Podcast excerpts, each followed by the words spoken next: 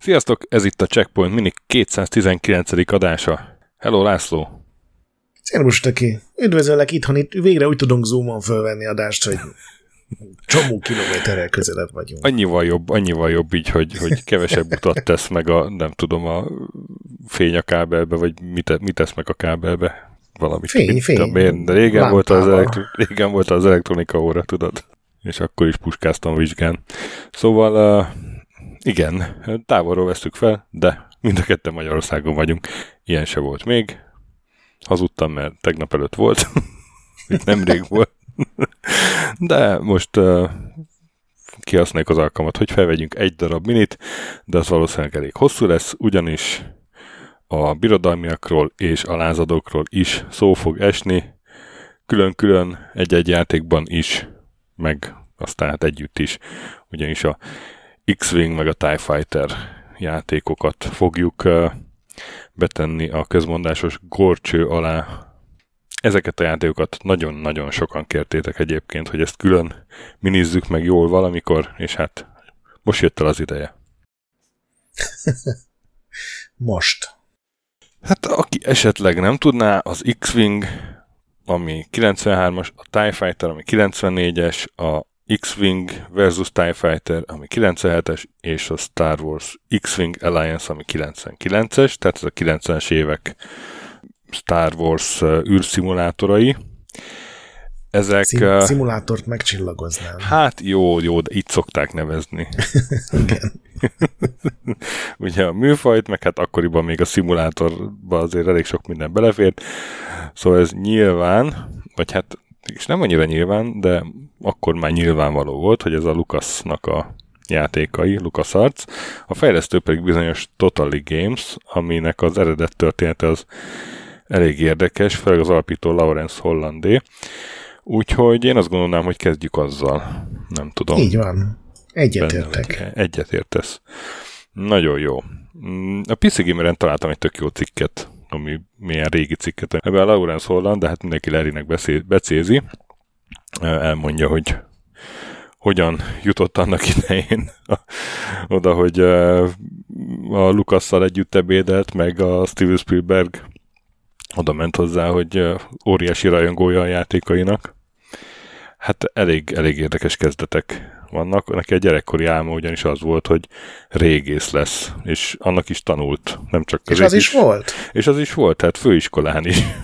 De nem, úgy értem, hogy ilyen több éves ásatásokon vett részt. Igen, igen, igen, igen. Az még a főiskolai vagy egyetemi ilyen gyakorlat része volt, nem? Nem, utána is. Tehát... Utána dolgozott is, mert én úgy vettem ki, hogy, Igen. hogy ö, ilyen... Á, tök jó, tök jó.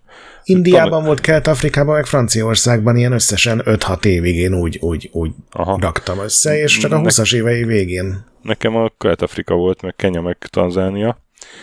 De hát igen, ő tanult latint, görögöt, antropológiát, régészetet. Nem az a tipikus játékdesigner kezdet. Nem, és, és tényleg a, a, a Afrikában hát azon a helyen volt, ahon, ahonnan nagyjából így az em- ember eredetét így sejtik, hogy onnan, onnan, onnan ered a, hogy ott, ott történt meg az az ev- evolúciós lépés, ami elindultunk a emberi válás útján. Szóval igen, ez, ez önmagában egy nagyon érdekes kezdet. Hogy lesz ebből néhány éven belül Star Wars játék? Hát úgy, hogy a 80-as évek elején ő, ő akart uh, ja, az egyetemi, tehát amikor csinálta a doktorátusát, akkor akart mellette valamit dolgozni. Gondolom azért, ne halljon ilyen, vagy, vagy Nézd, ö, lehet, hogy ez mozgatta. má, má, más nem tudok elképzelni, hogy doktori közben miért akar valaki még dolgozni is. És hát akkor volt rá, tehát az is mutatja, hogy nem volt éppen gazdag, hogy volt egy szobatársa is, akivel meg kellett osztani a, a bérletét San Franciscóban, és neki volt egy Atari 800-asa, és hát akkor csodálkozott rá, hogy na hát számítógép, meg számítógépes játékok. És, Ez még nekünk is milyen durva, nem, hogy ez a 20-as évei végén Igen. lát valaki először számítógépet. Igen, igen, igen, igen. És hát akkor egy rákattant, mert a Commodore 64, ami akkoriban egy aránylag új gép volt, ugye 82-ben jelent meg, az megragadta a figyelmét, vett egyet, és elkezdett így magától assembly-ben programozgatni. Hát de én, én találtam egy interjút, amiben elmondja, hogy ez azért volt, mert hogy szakácsként dolgozott, de rohadtul gyűlölte. és akkor ez a haverja, aki hazállított egyszer csak az Atarival, az mondta neki, hogy ő vásárolt programot is hozzá. És akkor kiderült, hogy a program készítése lehet pénzt szerezni, mert vannak olyan őrültek, akik hajlandók fizetni a mhm. programokért, és még többet is, mint a hamburger készít, mert akkor is ilyen 60-70 dollárok voltak simán az ilyen komolyabb programok, ugyanúgy, mint ma. Aha. Jó, mondjuk lehet, hogy nem felét a komoly programok, de, de hogy emiatt tért át, mert hogy, hogy úgy gondolta, hogy több pénz van benne, mint a burger fordításokban. Igen. Úgyhogy ez hát, is a, hát a nem a játék minden... szeretettel indult, burger ez is az minden furcsa. burger. Igen. Nincs sok pénz a burger fordításban. Igen, amikor kimondtam, már tudtam, hogy, hogy ez egy picit is kétértelmű, tehát le fogsz csapni. Sejtetted, sejtetted, Mint, persze. Nincs az az alacsonyan csüngő gyümölcs, amiért nem hajolsz le. Hát, mint az izével God of War Ragnarökbe, tudod, minden ilyen csüngő kis izé cseppecskét összeszedek. Hát ebben a PC Gamer interjúban azért megpróbálja ezt így eh, közelíteni a, ezt a két dolgot, a régészetet, meg a, meg a programozást, azt mondja, hogy ő, ő tulajdonképpen mindig az ilyen szimulációk érdekelték, nem feltétlenül ilyen repülő szimuláció, ami, amivel aztán sokat foglalkozott, hanem valamilyen módon a, a valós világot rekreálni, mint ahogy a régészek is megpróbálják így rekreálni a, a régi emlékekből, hogy mi volt, mi volt a valós világ régen. Tehát így ez, ezt egy... a kapcsolatot ő megtalálta, kicsit izzadságszagúnak érzem, de jó, hát megadom a pontot. Én találtam vele egy ilyen három órás, majdnem három órás podcast interjú. Nagyon ritkán ad ja. egyébként interjúkat, igen, tehát igen. erről kevés Én is megtaláltam, de nem gondoltam, azt te úgyis meghallgatod. Én meghallgattam, és, és abban is be, a játékairól beszélnek, de ő, ő mindenhol mindig behozza ezt az antropológiát. Tehát majd később fogunk például beszélni a, olyan repülőgép szimulátorairól, amiben ugye mind a két oldalt ki lehetett Igen. próbálni, és azt is ezzel hozza össze, hogy, hogy ő nem történész, hanem antropológus, meg régész, tehát máshogy érdekli a történelem, és, és hogy ő így az embereket próbálja meglátni a, minden más ilyen máz alatt, és hogy például amikor a repülőgép szimulátorait csinálta mondjuk úgy űrszimulátorok előtt, hogy akkor sem hogy mindenki arra koncentrált, tudod, hogy ilyen fizikai modellezés, meg igen, hogy a golyóknak a röppályája, meg igen. hogy pont annyit olyan messze essen le egy ilyen kilőtt repülőről kilőtt golyó, amennyi kéne. Ő meg ehelyett az inkább az ilyen érzések, meg, meg propaganda, meg, meg, meg hogy milyen volt a hazáért harcolni két teljesen eltérő oldalon, hogy ő ezeket próbálta, és majd és biztos hát... beszélünk róla, de ez, ez valamennyire átjött, a, már máshol nem akkor a tálalásban, hogy, hogy ezek nem ilyen száraz szimulátorok voltak, hanem mindig megpróbált abszolút, egy kicsit abszolút. többet És hát ilyen régi, egykori, tehát ilyen világháborús pilótákkal is beszélgetett sokat. Igen, hogy... azt azért elmondanám, hogy az első megjelent játékának a címe Slime volt, és ebben egy takonydarabban kellett mászkálni, szóval ez egy kicsit később jött a... I- igen, igen, igen, igen, igen, viszont már 1985-ben csinált egy Project Space Station-t, ami az érdekes, mert akkoriban még, még az inte, a nemzetközi űrállomás az még egy, csak egy gondolat volt, de már azt próbálta így szimulálni, hogy, hogy milyen lesz. Ugye akkoriban Hát nem akkoriban, azt a játékot. Pár éve, pár éve korábban kezdődött az űrsikló program, de hát annak az egyik fő célja az volt, hogy összeépítgessék ott a űrállomást. E, ezt meg, azt gondoltam, hogy ez nem saját Ez a Human Engineered volt. Software-nél helyezkedett el, az a Hashware, az volt a logójuk, én mindig így mondtam. Uh, és egyrészt egy csomó Sega játékot, meg japán játékot írtak át ilyen számítógépekre, például azt most tudtam meg, hogy a Larry Holland programozta a Super Zaxont C64-re. Igen, igen.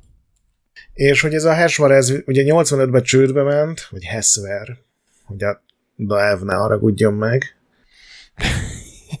és hogy részben azért is mentek csődbe, mert hogy volt egy nagyon régi projektjük, egy, egy konkrét csillagászt, egy NASA-nál dolgozó csillagásznak volt egy terve, hogy űrállomás szimulátort csinál, mert hogy gondolom érezte, hogy a valóság még nem áll erre készen, de hogy uh-huh. a Commodore 64-en azért ezzel lehetne csinálni, de hát ő ugye csillagász volt, és, és a tudomány érdekelte meg őt, aztán tényleg a számok, meg a fizika, meg a, a gravitáció, meg az összes többi dolog, és ezért csinált egy programot, ami annyira volt érdekes és izgalmas, mint egy, egy ilyen Excel táblázat, és aztán ezt, bírta, ezt bízták rá a, a Larry Hollandra, amikor összevesztek a csillagásszal, aki nem hagyta, hogy játékot csináljanak a, az ő szimulációjából, ugye a Hesver meg nem akart egy szimulációt kiadni, uh-huh, amit uh-huh. körülbelül három ember tudna élvezni a Földön, és akkor így kapta meg, és én nem játszottam vele, én most megnéztem belőle pár képet, meg így valaki játszik vele egy videón, azért ez így, még így is egy durva szimulátorszerűség maradt. Igen, annak ellenére, hogy egy akkor nem létező dolgot szimulált, hogy tehát azért ez nem az a vidám, mint egy ilyen mai indi játék van, az a mi a cím annak az oxigénes játéknak, az is egy ilyen... Melyik a Kerbal Space program, vagy melyikre gondolsz? Nem, nem, a, benne van a címében az oxigén, és az is azt hiszem egy pont egy ilyen űrszimulátor. Az Oxygen Not Included, ami ugye egy ilyen szórakoztató, ilyen űrállomás, űrkolónia szimulátor. Uh-huh, Tehát nem, nagyon nem erről van szó abból, amit én láttam. Nem tudom, te játszottál-e vele? Így a... Nem, nem, nem eredeti. Hát ez nem az a játék, amire így azonnal lecsap egy tizen, nem tudom, pár éves gyerek, hogy na ez, ez az, amivel lőni fogok. De hát igazából majdnem mindegy, mert csődbe ment szegény cég. Annyira elhúzódott ez a program is. És utána ő ugye ilyen szerződésesként dolgozott, de valahogy, vagy mégis egy csapatban, és ebből lett később a Total Games, de hogy ennek mi a csírája, azt eh, nem találtam meg, még ebben az interjúban se. Ő Ugye azért nem volt... El, el van kenve, hogy uh, úgy fogalmaznak, hogy Holland, uh, hogy found him, himself uh, in a team of uh, ten employees, hogy egy, egy tíz izéből alkalmazottból álló csapatban találta magát. Tehát, hogy találta ott magát, ezt nem találtam meg. Hát, hogy csődbe ment alatta, ugye ez a Hesver, igen, igen, nem akart visszamenni hamburgereket csinálni, és beadta pár céghez a az önéletrajzát, és a, mivel a LucasArts akkor akart áttérni szintén ilyen harci szimulációk készítésére, meg nem feltétlenül uh-huh, repülőgép szimulátorok, fölvették, a Noah Falstein vette föl, aki ugye aztán később az Indiana Jones játékokban, meg kalandjátékokban is ja, értem. alkotott. Te, tehát, hogy ez a Lucason belül volt egy csapat, és őt oda, mint szerződésest Hát fölvették. akkor az még egy ilyen nagyon pici cég volt, uh-huh. ugye mhm. még Lucasfilm Games volt a igen, neve, igen. amikor ő oda került, tehát nagyon az elején, és igazából nem is került oda, mert ahogy mondod, ő, ő sosem volt a LucasArts-nak a tagja, ami Igen. számomra teljesen furcsa, hiszen óriási projekteket vezetett a LucasArts-nak. Igen, de mégse dolgozott ott technikailag. Igen, és ez azt mondta, hogy ez azért, mert hogy uh, volt egy olyan illúziója, hogy ha nem tagja a cégnek, akkor nem kell unalmas céges meetingekre, meg különböző dolgokra járni, ami egyébként akkor még a LucasArts-nál nem volt, tehát inkább ez a piknik, meg bementek az ILM-hez nézelődni, ami azért annyira nem tűnik egy szar céges eseménynek, és hogy ezeken nem kell részt vennie, tehát majd neki lesz ideje így nagyon lassan, de elvégezni az egyetemet, mert amikor elkezdett ő programozni, akkor ő abba hagyta, tehát így hogy hívják azt, amikor így szűnt, tehát nem, nem abba hagyta az egyetemet, hanem ilyen kért egy év halasztást, aztán Hala, még egy év halasztást, és, és volt egy olyan illúziója, hogy akkor majd, majd a következő játékfejlesztés alatt biztos nagyon sok időm lesz, és uh-huh. mivel nem vagyok alkalmazott, ezért egy csomó dologból ki tudom magam vonni, és amennyire én tudom, soha nem volt a LucasArts-nak uh-huh. az alkalmazottja, igen, és igen. ez a Totally Games is csak 95-ben alakult meg teljesen hivatalosan, tehát a igen, hát ott, az... ott már ugye alapító volt, meg CEO. Igen, de azt is így a feleségével csinálta, és csak azért, hogy a, ez a külsőzés, ez... Igen, igen. Ez így legálisan működhessen. Felesége volt a CFO, a ilyen pénzügyi vezető, gazdasági igazgató. Hát igen, meg a, a Secret Weapon, szóval Luftwaffe-nek a marketingese. Igen, igen, igen, úgy találkoztak. Na de vissza, akkor 80 Na de igen. 6-ba, 5-be, 6-ba, amikor ugye így külsősként elhelyezkedik a Lucasfilmnél, és akkor ugye mivel őt a, elsősorban a szimulátoros múltja miatt vették fel, az űrszimulátoros múltja miatt, ez a Lucasfilmnek az első ilyen saját szimulátorán dolgozhatott. Igen, ez a PHM Pegasus, az, az uh-huh. volt a neve, ugye az egy ilyen Hát képeket láttam, az, az hajószimulátor volt, vagy egy ilyen általános csatatér? Nem, az hajó, de ez, ez az a furcsa hajó, ami így kiemelkedik a vízből, és ez így nagyon gyorsan nem tud több hajó menni. kiemelkedik a vízből. De nem ilyen lábakon, ilyen, mintha ilyen síléceken. Igen. Mintha ilyen sílét. Amikor áll a hajó, akkor nyilván lesülje. Nem tudom magyarul ezt, hogy hívják, majd biztos megírja valaki mérgesen. Nem ezt hívják szárnyas hajónak? De lehet. Hidrofoil a, a egy Pegasus osztályú hidrofoil hajó Ez az szárnyas angol. hajónak hívják, igen, igen, igen, igen. Lehet. Hord szárnyas hajó. Na, akkor te megtaláltad magyarul is.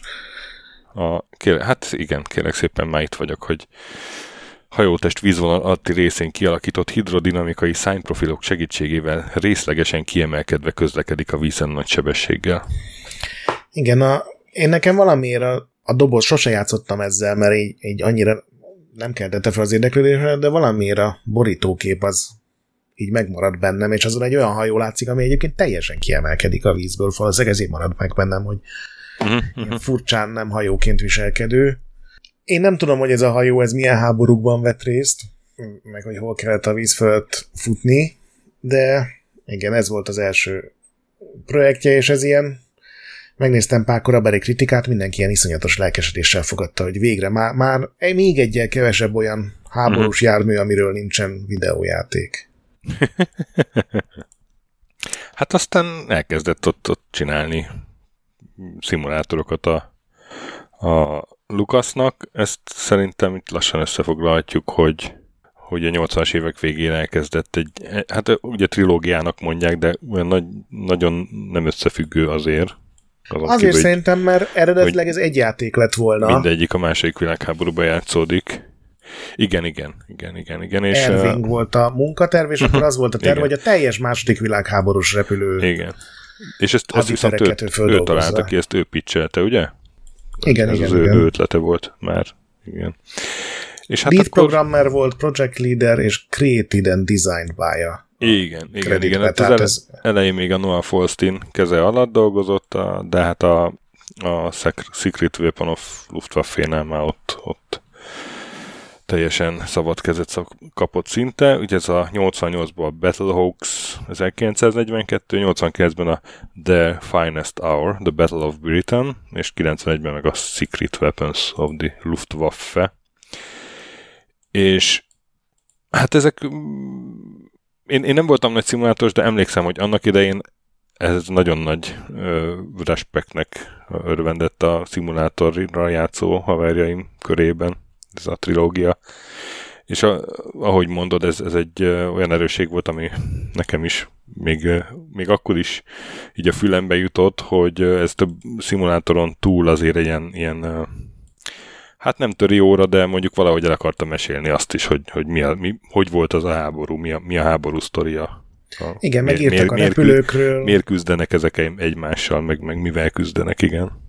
Írtak arról, hogy egy átlag repülőpilótának a milyen volt az élete, bedigitalizáltak ilyen korabeli fényképeket, mm-hmm. tehát ezt ilyen sokkal érdekesebb volt nekem olvasgatni róluk újságokban, mint egy random másik repülőszimulátorral, ami tényleg arról szól, hogy felszállsz, lősz, és aztán leszállsz. És tök jó kép, ilyen uh, rajzolt képek voltak benne a repülőkről, meg igen. Meg a men- menüképek is olyan jók voltak, és, és ez már kicsit az elővetíti a, talán a Star Wars-os játékokat is, mert ott is ez, ez most is tök jó élmény volt ez a menürendszer, ami kicsit ilyen immerzív. Igen, azt mondjuk a izétől lopták a, a Wing Commanderekből. Ja, igen, igen, igen. Ugye a Secret Weapons of the Luftwaffe-val kapcsolatban van azért egy jó sztori, hogy az utolsó fél évben nem nagyon ment haza, tehát beköltözött az irodájába, ahol egyébként Igen. hivatalosan külsősként dolgozott, és, Igen. és ő lett a Z épület szelleme, ez volt a beceneve. Akkor már a takarítók éjszakánként néha itt találkoztak vele, hogy a, hát a zuhanyzóból ment a... Néha felébresztették éjszaka, hogy így a, éjjeli őr így bevilágított hajnal négykor, hogy nem, nem jár-e ott tolva, ő meg ott aludt, és akkor nyilván a lámpa felébresztette. Igen, azért ez, ez a, az utolsó fél évben nem nagyon ment haza, ez egy elég brutális munkatempúra utal, de ez is azért volt, mert itt ez a, ahogy így, így, így mesélt a fickó, ez teljesen úgy tűnt számomra, hogy ez egy, ő is egy ilyen maximalista őrült, igen, tehát ez igen. a látnoki, aki akar csinálni, és van ez a Secret Weapons of the Luftwaffe, és oké, okay, ez az amerikai-német légiháborúkra koncentrál ugye 43-45 között, tehát az tulajdonképpen kis túlzással a legalábbis amerikai szempontból a, háború felét feldolgozta. Volt benne ugye két teljesen dinamikus kampány rögtön ugye a két oldalról, de volt benne egy küldetésszerkesztő, volt benne egy uh, viccajátszás rendszer, amiben még szerkeszteni is lehetett, meg többféle kamera között váltani, és beleraktak egy stratégiai játékmódot, am- uh-huh. ahol a, a gépre lehetett bízni a tényleges repülést, hogyha akartad, igen, de te is megcsinálhattad, és, és te vezethettél végig egy ilyen körökre osztott uh, háborút, amely repülőgép szimulátorban szerintem teljesen beteg ötlet, hogy mi lenne, csinálnak egy repülőgépmentes üzemmódot is, mert miért ne, miért ne, belefér. Hát igen, egy, egy másik, két, két játék egyben, egy másik műfaj. És ugye ez 91-ben jelent meg a Secret Weapons, és utána négy kiegészítő jelent meg így 92 végéig. És nagyjából ezzel kezdődik, vagy itt kezdődik ugye az ő Star Wars karrierje. Igen, azt még mondjuk el, hogy amikor később a Totally Games-et alapította, ugye a felesége is mondom, ott vezető lett, akkor azt mondta neki, mert hát akkor már volt pici gyerekük, hogy hát igazából nem, nem muszáj neki ott dolgozni akár, tehát hogy meg tudnak élni csak az ő fizetéséből is. Erre azt mondta a felesége, de hát akkor soha nem látnálak. igen. Na igen, hát a, a, a Star Wars-os vonalról meg azt érdemes tudni azért így, így háttérinfóként, hogy, hogy egészen 92-ig a Star Wars játékjogok nem a Lucasnál voltak, mert eladog, kiadogatták ide-oda, volt az Atari-nál is, ugye 83-ban kijött az a legendás Atari uh, arcade gép, de volt a Brotherhood-nél is, és, és hát pont a Brotherhood-nél. GVC-nél ugye a Nintendo GV... játékok, igen, igen, igen, igen. És a Brotherhood-nél szabadult fel pont a jog, vagy hát lejárt a jog 92-ben, és akkor gondolták a Lucasnak, hogy na, akkor mi lenne, ha mi csinálnánk Star Wars játékokat. Igen, mert ez is ugye az volt, hogy akkoriban nagyjából lejárta a Star Wars szabadosság uh-huh. tulajdonképpen. Ugye nem voltak belőle rajzfilmek, akkor már nem voltak filmek, de a Lucas akkor már tudta, hogy ő ezt szeretné folytatni valahogy. Igen. Ezt nyilván nem árulták el a Brodermannak, hanem hagyták, hogy azt mondja a licenszelő cég, hogy hát ez nekem már nem éri meg az évi valahány százezer dollárt, csináljatok ti vele, amit akartok. Úgyhogy ez is egy ilyen kicsit hát nem aljas, semmiképpen nem aljas, csak tudod, ez a úgy intézem az információ áramlást, hogy nekem kedvezzen eljárás volt. Igen, és akkor Hát neki kellett azért egy kicsit pitchelnie, hogy ő hogyan, hogyan gondolja ezt a Star Wars szimulátort, de igazából akkor már olyan tisztelete volt a Lucasnál, hogy azt mondja, hogy ez egy ilyen pároldalas design doksi volt, és gyakorlatilag azt vázolta fel, hogy hát amiket a világháborús szimulátoraiba csinált, szimulátoraiba csinált, ugyanazt csinálná meg Star Warsban. És erre azt mondták, hogy oké. Okay. Igen, Illet... én találtam egy olyan nyilatkozatot, hogy a, a Brian Moriarty valaki a Lubnak volt a Igen, vezető designer, hogy ő volt az iroda társa, és akkor ő mondta nekem, amikor elterjedt a ír, hogy visszakapták a Star Wars jogokat, hogy figyelj Larry, csezd meg, csináljál egy X-Wing játékot, mert különben én csinálok, de az nagyon szar lesz. Igen, ez nagyon jó sztori. És, hát és akkor ez ugye egy, egy óriási, igen, egy óriási játék volt így méreteiben, meg, meg, tehát ez akkor egy AAA cím volt abszolút, és félmillió dollár volt a büdzséje. És hát megadtak neki mindent, ami kellett a, a Lucasnál, ugye ilyen belső erőforrásokat, úgy, úgy uh-huh. értem, meg belső forrásokat, tehát a, a John Williams zenéjét, nyilván ilyen mindenféle űrhajó vázatokat, meg egy-két szinkrohang is a filmből visszaköszönt, tehát a, a hogy hívják a harcsafejű admirálist? Admiral Akbar. Az Akbar admirálisnak ugyanaz volt a hangja, mint a filmbe. De hát a Darth Vaderre nem tudták megszerezni James Earl Jones-t, vagy hát lehet, hogy túl drága lett volna, és ott az egyik zeneszerző lett a Darth Vader hangja, ez a Bajakian. Igen, a, a James Earl Jones állítólag nagyon rühelt így szinkron színészkedni, és ezért uh-huh. a Star Wars-okon kívül csak egy filmnél vállalt, amiben valami rokona játszott, és csak azért vállalta el. Te azzal játszottál egyébként? Annól? Mivel? Hát az X-Wingen, most arról van szó. Hogy, Mert igazából hogy? én a fejlesztésről nem tudok semmit azon kívül, hogy megcsinálták. Igen, igen, aztán az X-Winget megcsinálták, igen. A, magának annak a fejlesztéséről már nem nagyon találtam én se infókat. Én játszottam vele annak idején, és nagyon vártam, hogy tudjak vele játszani, mert, mert akkoriban valahogy így ki, volt, ki voltunk éhezve egy jó Star Wars játékra. Igen. Ez, ezt így lehetett érezni, hogy, hogy miért nem csinál Lucas Star Wars játékot. Volt egy ilyen hiányérzet, és akkor mit tudom én, C64-re valahogy csinált a Domark valami átiratot, az nem volt olyan jó. Az, a konzolosok még nyilván nem jöttek be, és, és így most olvastam az egyik cikkben, hogy a filmeknél is volt egy ilyen hiátus, hogy, hogy valami rossz endoros sorozat akkor tájt jött ki, és, ja, azok az ilyen tévéfilmek. Igen, igen, tévéfilmek, és akkor a, valamelyik regénysorozat megnak sikerült felkeltenie megint az érdeklődést, és akkor ebbe robbant be a, a X-Wing. Szóval én ezt vártam, annak ellenére, hogy egyáltalán nem voltam szimulátoros, és kipróbáltam, és aztán so, nem csak kipróbáltam, nagyon sokat játszottam vele, és uh, volt egy kölcsön joystickom. Úgyhogy... Uh, nekünk nem volt.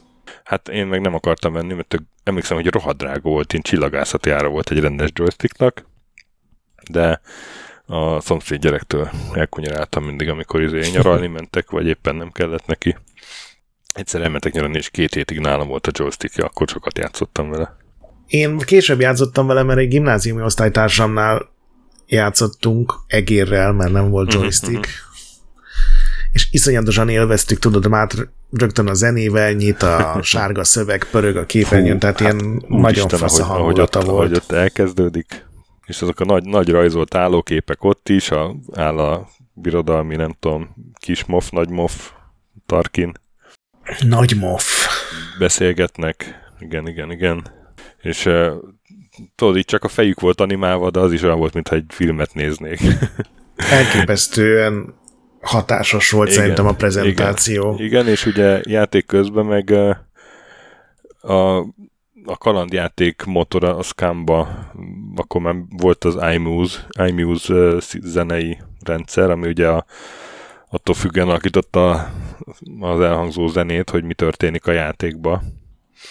És akkor most lehetett... belegondolva ennek pont a kalandjátékoknál semmi értelme nincsen, mert azért az nem az a... Hát mondjuk egy lopakodós részhez így berakni valami sejtelmesebb zenét, hogyha, hát hogyha karakterekhez kitalálsz témákat, akkor, akkor végül is van értelme, csak inkább nem nagyon használták ki. De itt az X-Wingnél meg, meg az tök jól működött, hogy mit tudom én, a, odaértél a, a halálcsillaghoz, és akkor ilyen másfajta zene csendült fel.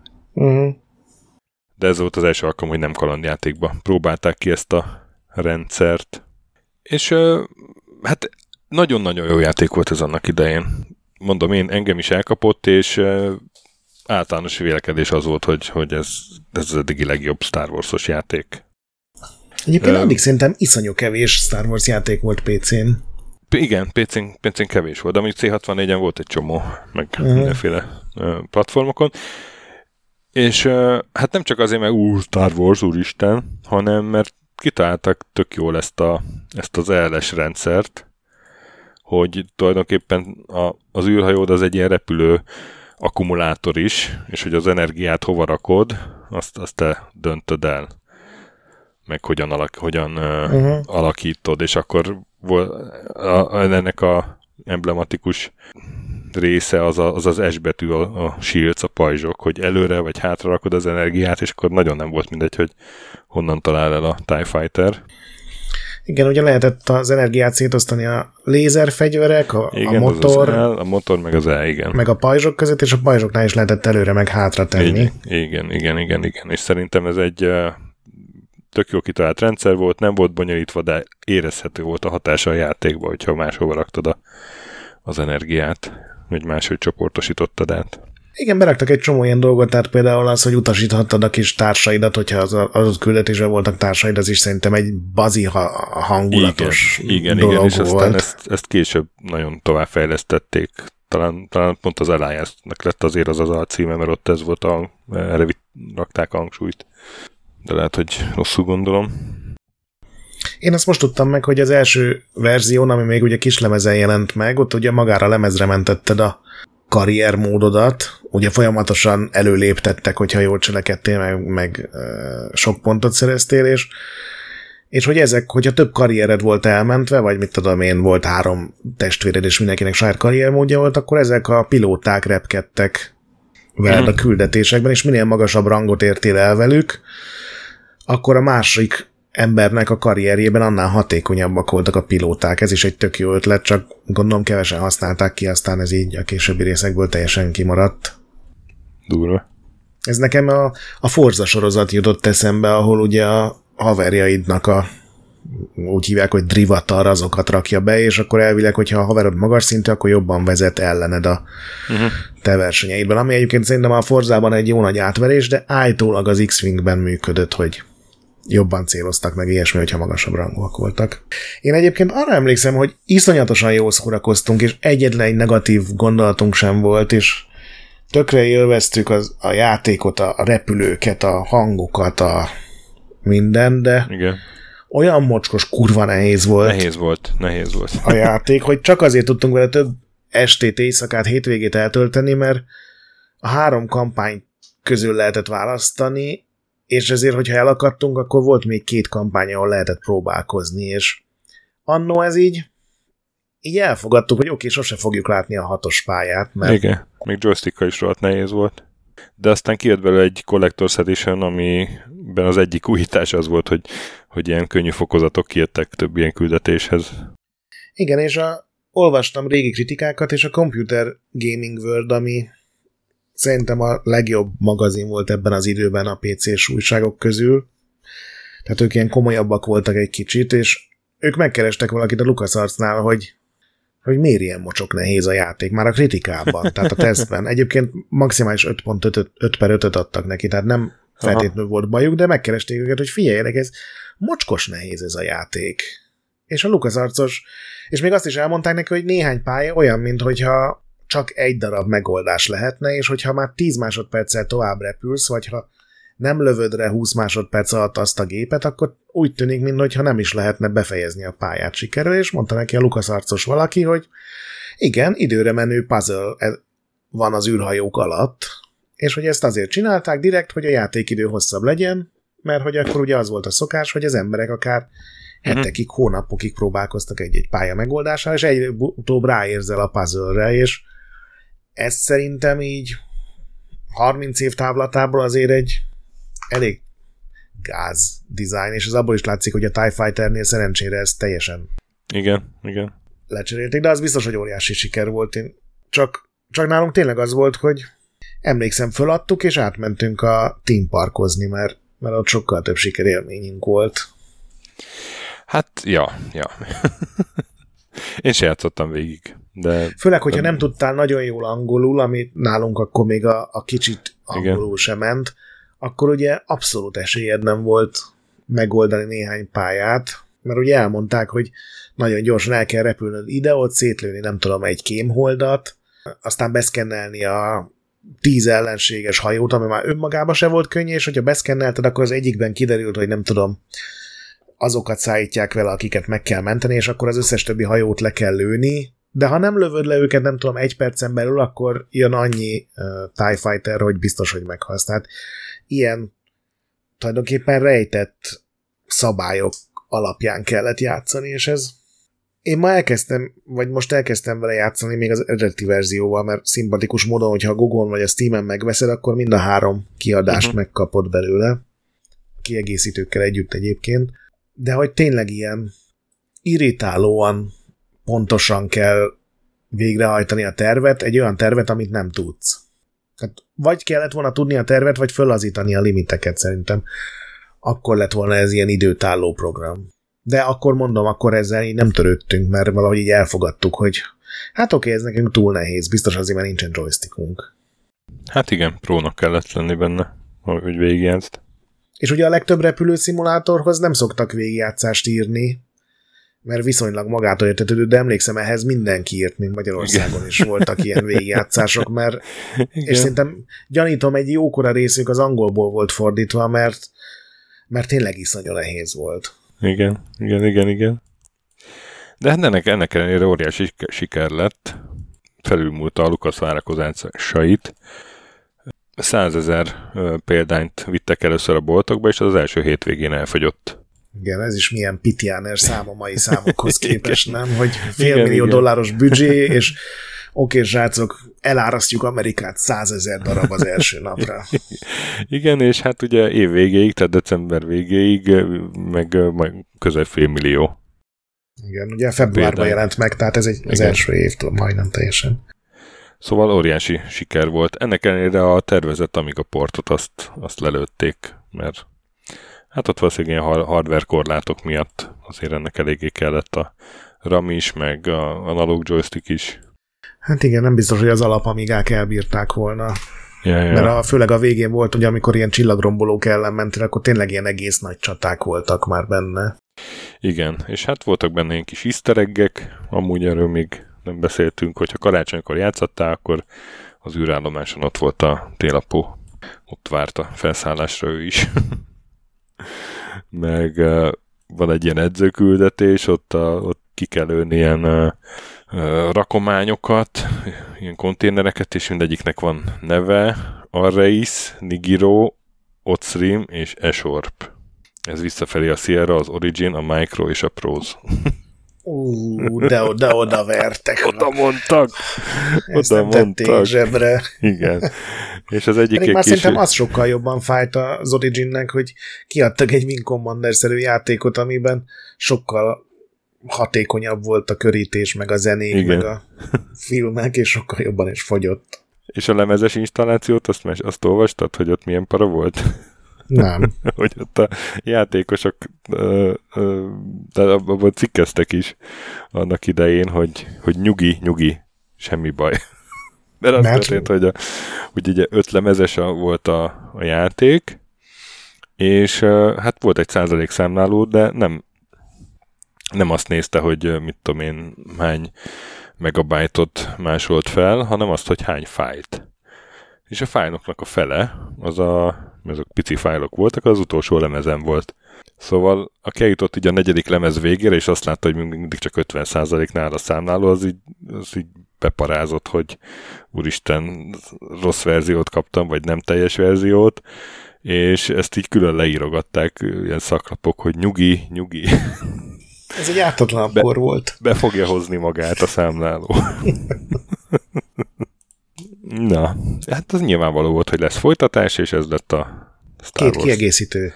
Ja, bocsánat, volt két kiegészítő. Igen, igen, igen. igen. Mert Tehát ugye a, a sztori az az első filmnek az eseménye alapján játszódik, a halálcsillag felrobbant, spoiler, uh-huh, uh-huh. a halálcsillag felrobbantása az utolsó küldetés, vagy hát ugye nem mi robbantjuk föl nyilván, mert egy ilyen névtelen pilótánk van, akit a regény feldolgozásban Kejan Farlander néven, ami szerintem tök jó rímel a Skylander, a Skywalkerre, és akkor a kiegészítők tovább vitték, a, a második kiegészítő az annak ott van vége, hogy a felkelők találnak egy bázist a hotbolygón, ahol teljes biztonságban lesznek a birodalomtól, és nyilván a harmadik kiegészítő meg a azt, azt mutatta volna, amikor ugye az első transport elindult, az első transport elindult, tehát a menekülés, a, meg az elköltözés a teljes lázadó parancsnokságnak a hotról az lett volna, de az nem készült el, mert ugye elkezdted mondani, hogy mi volt a tényleges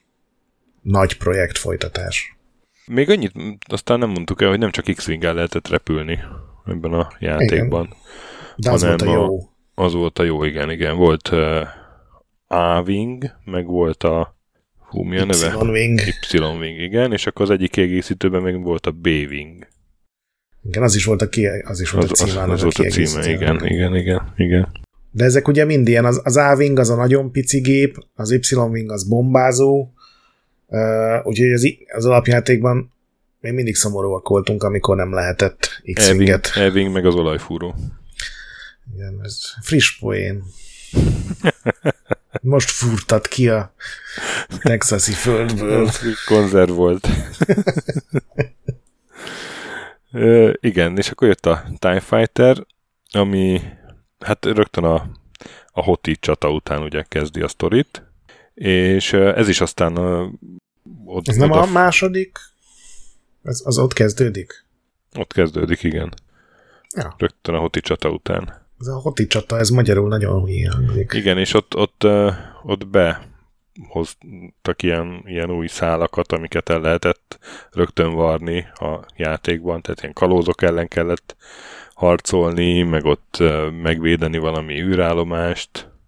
Egyébként meg, ez meg... tök érdekes, amit erről a Larry Holland mondott, hogy ugye ez egy nagy kérdés volt, hogy hogy lehet a, a birodalmiakat hősként beállítani. Igen, igen. Úgyhogy igen. ez ne legyen semmilyen értelemben gáz, mert azért sokféleképpen el lehet cseszni, és a legtöbb játékban még ma is, hogyha ha csak nem valami stratégiai játék, vagy ilyesmi, ahol mindkét felet lehet irányítani, hogyha birodalmival vagy, akkor a legtöbb esetben azért a végén minimum szakít a birodalommal, de egy csomószor ugye átáll a lázadókhoz. Hát ez, ez sokszor tehát itt leginkább úgy oldották meg, hogy, hogy egy csomó esetben nem a lázadók ellen kellett harcolnod, hanem mondom, kalózok ellen, meg volt két ilyen, ilyen renegát admirális, az egyik az ilyen belső pucsot szervezett, a másik meg a össze lepaktálta a lázadókkal, és akkor tehát ilyen belső tisztogatás volt egy, egy nagy része. Igen, hát azért a lázadókkal is kellett harcolni. És, hát azokkal mégis... is, igen, igen. De az összkép az mégis az volt, hogy hát itt van ez a birodalom, van egy elképzelése, van egy szigorú rend, törvényrendszere, jó, hát diktatúra, de azt tessék betartani. Igen, pont azt mondom, hogy nem feltétlenül az, hogy diktatúra, hanem, hanem hogy az összes eddigi játék, meg a filmek, az, az mind a lázadó háborús propagandának a túlzása. és hogy ez csak egy birodalom. És ez, igen, igen. ezt is a Holland oda vezette vissza, hogy egyrészt ő antropológus volt, tehát ez, ez neki gondolom egy tök érdekes téma uh-huh. volt, másrészt meg ugye akkor jelent meg a, a Timothy Zánnak a trilógiája, uh-huh. ami ténylegesen pont erről szólt, hogy az új birodalomnak a vezetőségéről szólt, ugye a Tran admirális csinált egy új birodalmat, hogy, hogy tulajdonképpen ott már nem ilyen izé mindenki gonosz és feketében kivéve ramoztak. Tehát, hogy nem ez a nagyon gonosz, meg nagyon jók állnak egymással szemben, hanem ott megpróbálták majd árnyalni, meg hogy szürke is lehet, meg lehet valaki ilyen nézőpontból jó, olyanból, meg gonosz. És ez szerintem egy tök jót tett ennek a játéknak, igen, hogy... Igen, igen, és, és nem, nem volt gáz egyáltalán, tehát itt valamelyik cikkbe olvastam, egy idézet volt valamelyik kritikustól, hogy, hogy, hogy büszkének érezted magad, Igen. Hogy, hogy a birodalomért harcolhatsz. Igen, és, és ugye mondtad, hogy voltak ilyen árulók, és ez is tök érdekes volt, hogy egy pár kül, mert ebben a játékban már sok küldet, sok kampány volt, hét kampány, uh-huh. mindegyikben átlag 5-6 küldetés, és volt olyan kampány, ami arra épült, hogy ellopjál mondjuk egy kísérleti technológiát, a következő kampány meg arra épül, hogy ez az áruló birodalmi tiszt az azt a technológiát használja ellenünk, amit mi szereztünk meg neki. Tehát szerintem ezek ilyen nagyon jó ötletek, ez, ez uh-huh. ilyen szempontból ez bőven megelőzte a korát, ami ilyen játékdizájnban sokkal laposabb volt egy csomó esetben. Igen. Meg ugye volt a, az eligazításoknál utána néha odajött hozzád egy ilyen csuhás alak, és és így az árnyékból adott új titkos megbízásokat, és aztán rajtad múlott, hogy egyrészt meg akartad, meg hogy meg tudtad-e csinálni, de ugye az aztán a császárnak vitt közelebb a, az útjához, ami meg egy megint másfajta birodalom volt, mint amit te ilyen sima közpilótaként addig ismertél. Igen, és hát a, a lórhoz még azzal is hozzáadtak, hogy volt új, tip, új táj gép, olyan, amit a moziban nem láttál mert ugye ott TIE Fighterek voltak, meg TIE Interceptorok, meg TIE Bomberek. Ugye a bomber az, aminek, amiben két bogyó van középen, nem egy. És görbe a és igen, igen, igen, és akkor ehhez képest meg bejött a TIE Defender, meg TIE Avenger, miért azóta gondolom a Kano része eléggé. Igen, az volt, a, azt hiszem a, a Defender volt az, amit ugye el kellett lopni, és aztán igen, használtak, és... A, az volt az ilyen háromágú igen. És annak már volt pajzsa, mert ugye a, a TIE Fightereknek az a nagy különbség az X-Wing ben irányítható repülőkkel, vagy hát ilyen űrvadászgépekkel szemben, hogy azoknak nincsen pajzsa, tehát ilyen tömegtermék, nem baj, ha fogy. Így van. És ugye ez mind a körítés, amiről eddig nagyjából beszéltünk, és szerintem ezeknél a játékoknál ez is pokoli fontos volt, mert én, élveztem minden egyes képernyőt, meg eligazítást, megkaptad magától Darth Vader-től a kitüntetéseket, és ilyen elképesztően jó megcsinálták ezt a részt, de én ekkor már saját gépen játszottam, tehát nem a haveromnál, még továbbra is csak egérrel, mert nekem sem volt joystickom. De hogy itt már végre nem az volt, hogy egy puzzle kellett megoldani, úgyhogy erről nem tudsz, hanem ilyen teljesen dinamikus csatákba így leraktak, hogy itt van, nem tudom, egy csillagromboló, a másik oldalon ott van három lázadó nagy gép, van a csatatéren 50 kics vadászgép, és akkor általában nem neked kellett megnyerni ezeket a csatákat, hanem csak ilyen tényleg ez a csak egy, egy kerék vagy a nagy gépezetben, hogy pici dolgokat kellett csinálnod, ami aztán a többi pici dologgal együtt optimális esetben oda vezetett, hogy megnyerted a csatát, hogy mm. kiiktatni egy nagy gépet, vagy utánpótlást hozó gépeket megállítani, vagy lebombázni néhány ágyút, miközben tőled nem tudom hány parszekre dúl egy hatalmas csata, és ezt, így nagyon élveztem, hogy, hogy ugye a, a lázadóként ez a hanszólós, lendókáriszianos, mi vagyunk a fasza gyerekek, oda megyünk és egyedül megmutatjuk érzés volt itt, meg ez a tényleg egy rendes, sorozott parancsnokok által vezetett seregbe tartozol, és az a dolgot, hogy végrehajtsd azt, amit a főnök mond. És aztán, hogyha mázlid van, akkor még ugye a titkos meg az opcionális feladatokat végrehajthatod, de így hangulatban nekem ez is nagyon tetszett, és egy tök nagy különbség volt a, az X-Winghez képest, hogy... Mm. Igen, igen, ez, ez abszolút egy, meg, tehát hogy ne, nem csak egy ilyen újabb bőr volt, hanem ugye az eltelt egy év, és nagyon átgondolt folytatás lett ez. És már volt easy mód. Azt igen, kell igen, tennem. igen, igen, és pontosan így akartam folytatni, hogy, hogy, hogy már könnyű, könnyű fokozatban is lehetett a küldetéseket játszani. Én bevallom neked, hogy így se tudtam végigjátszani én meg, én, és... én, engem meg ilyen, ugye 93 végén jelent meg a Doom, engem meg elkapott már akkor a Doom, meg, meg ezek, és inkább azokkal játszottam. Tehát itt oh. ezzel játszottam egy kicsit, de mivel én nem voltam alapban egy nagy szimulátoros, ezen messze nem játszottam annyit, mint az x wing de, de azt a részét élveztem, hogy a birodalomért csapatok. Egyébként. Egyébként annak is volt egy, egy hangulata, hogy a, ugye nyitó sárga szöveg volt, de az Imperial March szólt alatta, és Igen az egy ilyen nagyon egyedi élmény volt, és amennyire utána tudtam nézni, ez azóta se nagyon történt meg. Lehet, hogy most az újabb sorozatokban volt ilyen, Aha. azokat nem láttam, de az akkor egy ilyen óriási libabőrös érzés volt nekem. Uh-huh. Én a TIE Fighter-t nagyon szerettem. Mondom úgy is, hogy nem tudtam végigjátszani.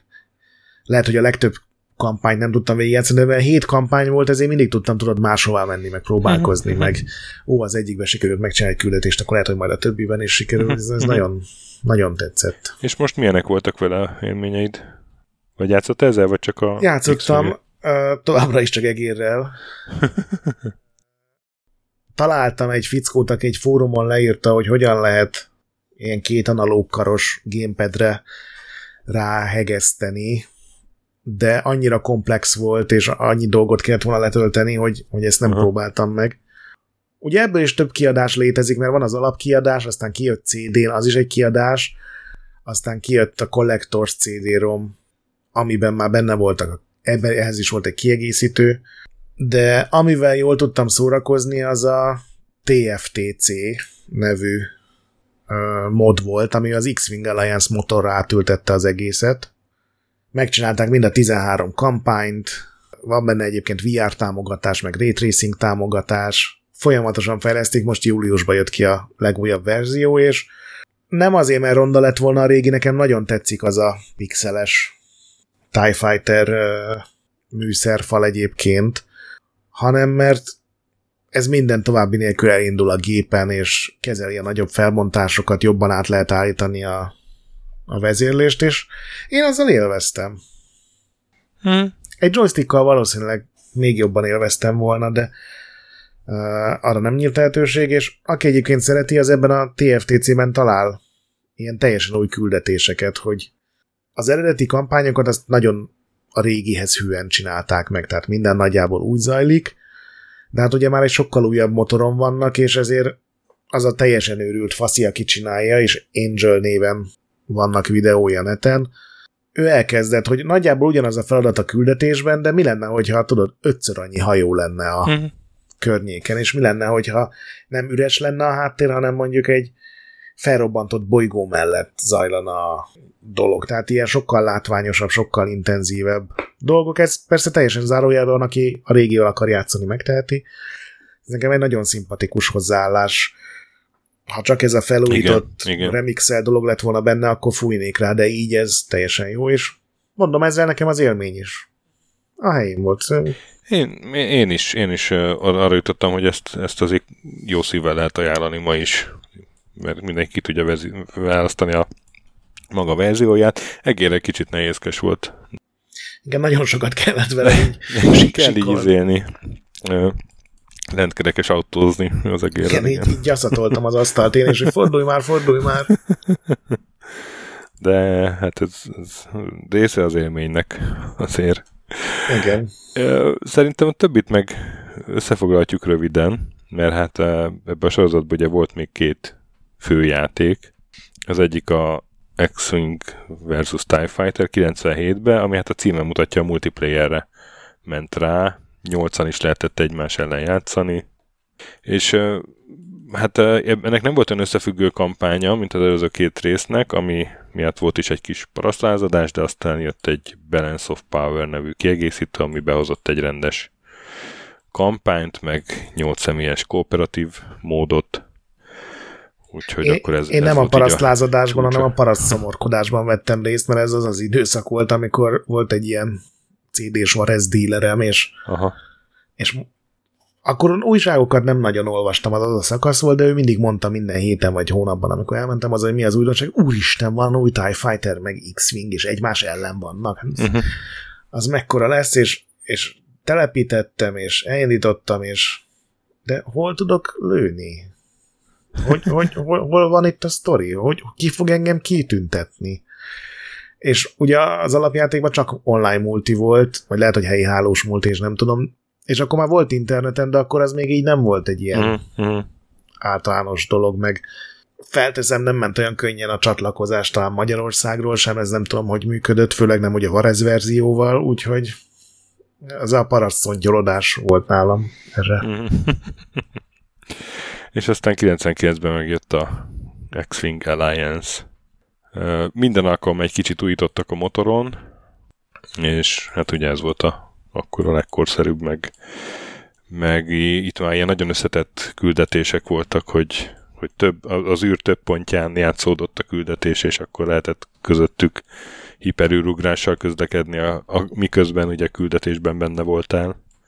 Az előző játékokban csak így a bevezetéskor lehetett látni, hogy hiper oda űrugrasz a helyszínre, de hát itt már több helyszín is volt. Aztán Én itt ez is a... parasztszontyolottam. itt is parasztszontyolottál? Nem volt Igen, mert ez meg olyan... géped? De futott, csak ez meg úgy volt megcsinálva, hogy hogy ilyen próbált realisztikus lenni, most a Star Wars-nak a uh-huh. realizmusára gondolok, és, és ilyen egyszeri vidéki, úgymond pilóta voltál, és az első, nem tudom, 10 küldetés, 15 az ilyen, semmi nem történt benne. Be kellett uh-huh. szkennelni ládákat, meg kellett nézni egy ilyen űrben lebegő roncsot, ki kellett rakni ilyen lehallgató szonárokat, és emlékeztem, hogy az ma hadd lőj, könyörgöm, adjanak egy TIE Fighter-t, amit le tudok lőni. Emlékeim szerint azért is lecsesztek, hogyha kinyitottad az X-Wingnek a, az mm. X ágyúit, mert hát ugye az elején még béke van, és én nagyon sokáig tartottam, míg eljutottam oda, hogy végre csata volt, aztán az meg, mivel én nem vagyok én sem egy szimulátoros ugyanúgy, mint te, nagyon könnyen lelőttek, amikor én azt mondtam, hogy oké, okay, akkor pajzsok nulla, motor maxon, lézerek maxon, és neki megyünk a csillagrombolónak, mert hát ez egy videójáték, csak le tudom lőni. és ez finoman szóval az optimális haditerv volt. A, az X-Wing versus TIE Fighterben már ilyen óriási csillagrombolók voltak, nagyobbak, mint a eredeti filmben. Itt is valami Superstar Destroyer kitaláltak. Uh-huh. Hát nekem a simával is meggyűlt a bajom, emlékszem, és én szontyolottam, hogy jó, akkor, akkor, akkor csinálok magamnak pajzsot, és majd lassabban megyek, mint egy hülye. De szerettem azt is, igen. Ja. És aztán miért, miért lett vége ennek a sorozatnak? Vagy, vagy miért nem folytatódott, azt, azt el tudod mondani? Mert utána aztán nem volt új rész, és aztán utána a, a Rook Squadron volt a következő ilyen Star Wars-os űrrepülős játék, de az, az sokkal ilyen inkább akciójáték volt, mint, mint kvázi szimulátor. Gyakorlatilag mainstream-esítették azt, igen, amit az x a TIE Fighter nyújtott. Konkrét információ nincs, szóval, hogyha te mm-hmm. tudod pontosan, hogy mi történt, nem, akkor nem, mondjad, nem, én csak nem, elmélkedni én tudnék. Én se találtam meg, én se találtam meg, de hát ez a tippem, hogy egy másik irányba indultak el, és ahhoz egy új címet kerestek. Hát ugye az, az már egy tök más fejlesztő csapat Igen. csinálta azokat a játékokat. Én arra tudok gondolni, hogy ez az a pont volt, amikor a, a PC-s játékpiacnak az egyik mélypontja volt. Ugye ez volt aha, az, az időszak, aha, amikor igen, a kalandjátékok igen, igen. kihaltak, ez volt az az időszak, amikor a hagyományos repülőgép szimulátorok kihaltak. Még nem vagyunk ott, hogy jöjjön az indie hullám, meg a nagyon könnyen játszható online hullám Szerintem egyszerűen úgy érezték, hogy most már több pénzünk lesz, hogyha másnak megint kiadjuk ezeket a jogokat, vagy hogyha új, új akkor jöttek ugye az új filmek, akkor inkább azokra koncentráltak, azokra is lehetett volna csinálni, de azok meg konzolra jelentek meg, ahogy mondod. Nem is csak a Rogue Squadronok, hanem volt a Jedi Starfighter, meg a sima Starfighter, és azok nem jelentek meg Igen. PC-re. Szerintem ez ezen múlott, hogy a, a PC-s piac akkor nagyon rossz paszban volt, és konzolra meg nem mindig sikerült az én minőséget szállítani, maradjunk annyiban, bár én a Rogue Squadron Rogue Leader sorozatot nagyon szerettem. Ja, igazad lehet. És hát legutóbb, talán 2020-ban volt az EA motív, kiadta a, megcsinálta a Star Wars Squadrons.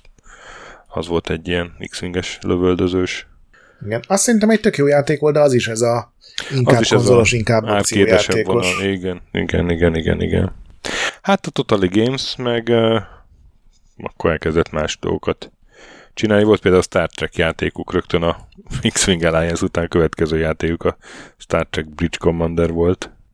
Ami... Hát ez egy éles váltás lehetett. Igen, igen, igen.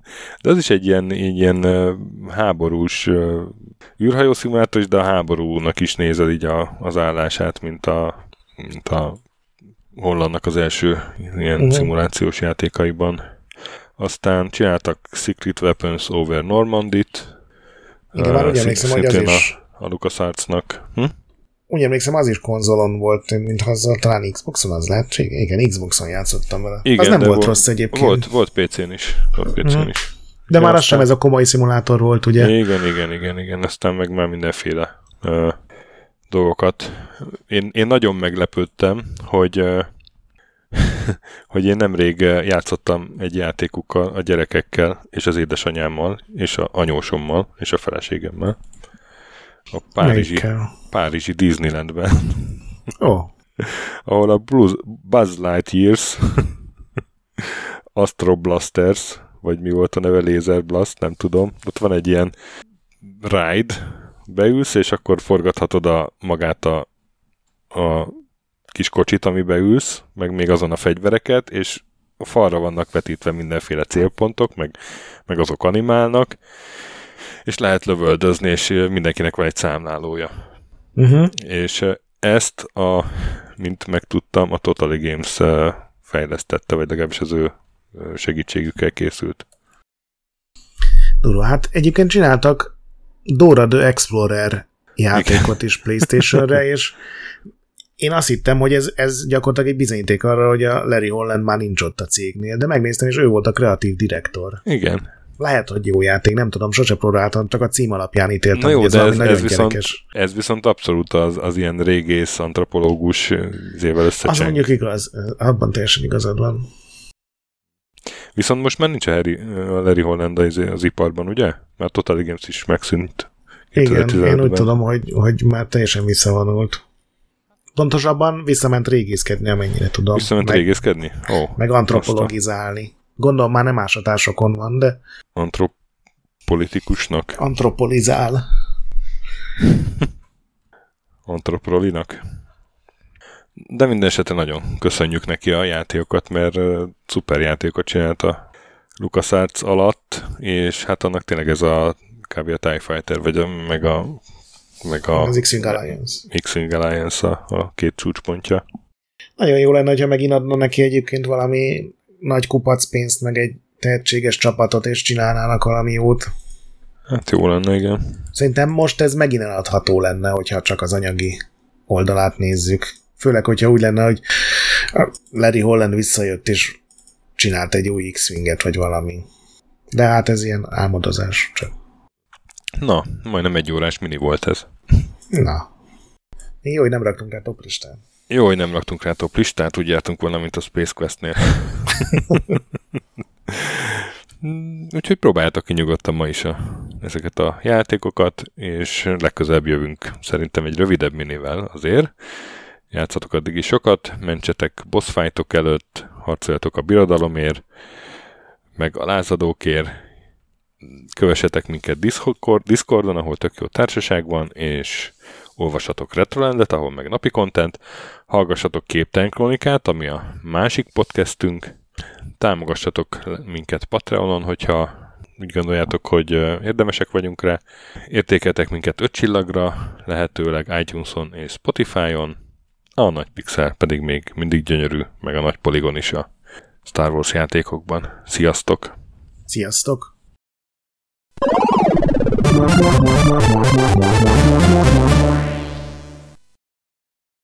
Köszönjük a segítséget és az adományokat támogatóinknak, különösen nekik.